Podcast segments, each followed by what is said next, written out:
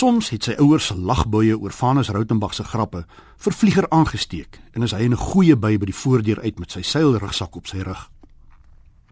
Op sulke oggende was hy so opgeruimd dat hy vergeet het dat hy binnekort Ami toe moet gaan.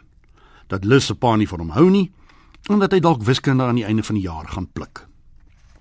Op sulke oggende het hy nie eens omgegee om saam met Drini skool toe te stap terwyl sy voortbabbel oor David Cassidy en die Partridge family en die kinders in haar klas nie het sy ma en pa se gelag vir Vanus Rautenbach se grappies gesorg dat hy nie gewoonlik 'n swaar klip in sy maag voel wanneer hy deur die skoolhek stap en Spyker Beetge, die wiskundeonderwyser met sy rotting voor sy klas sien staan nie.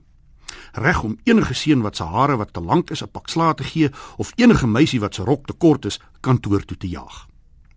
Op sulke oggende kon hy aan baie dinge dink wat die lewe die moeite werd maak. Die reuk van Liz se shampoo Jimmy Page se gitaar op Whole Lotta Love. Raquel Welch in haar grotvrou bikini op die poster bo sy bed. 'n Draairoomhuis by Costa's Cafe in Oktoberstraat. Die gevoel wat hy kry wanneer hy laat in die aande aan Liz dink. En dit alles net omdat Vanus Rautenbach 'n grap gemaak het. Wat sy ma en pa laat lag het. Asof hulle vergeet het.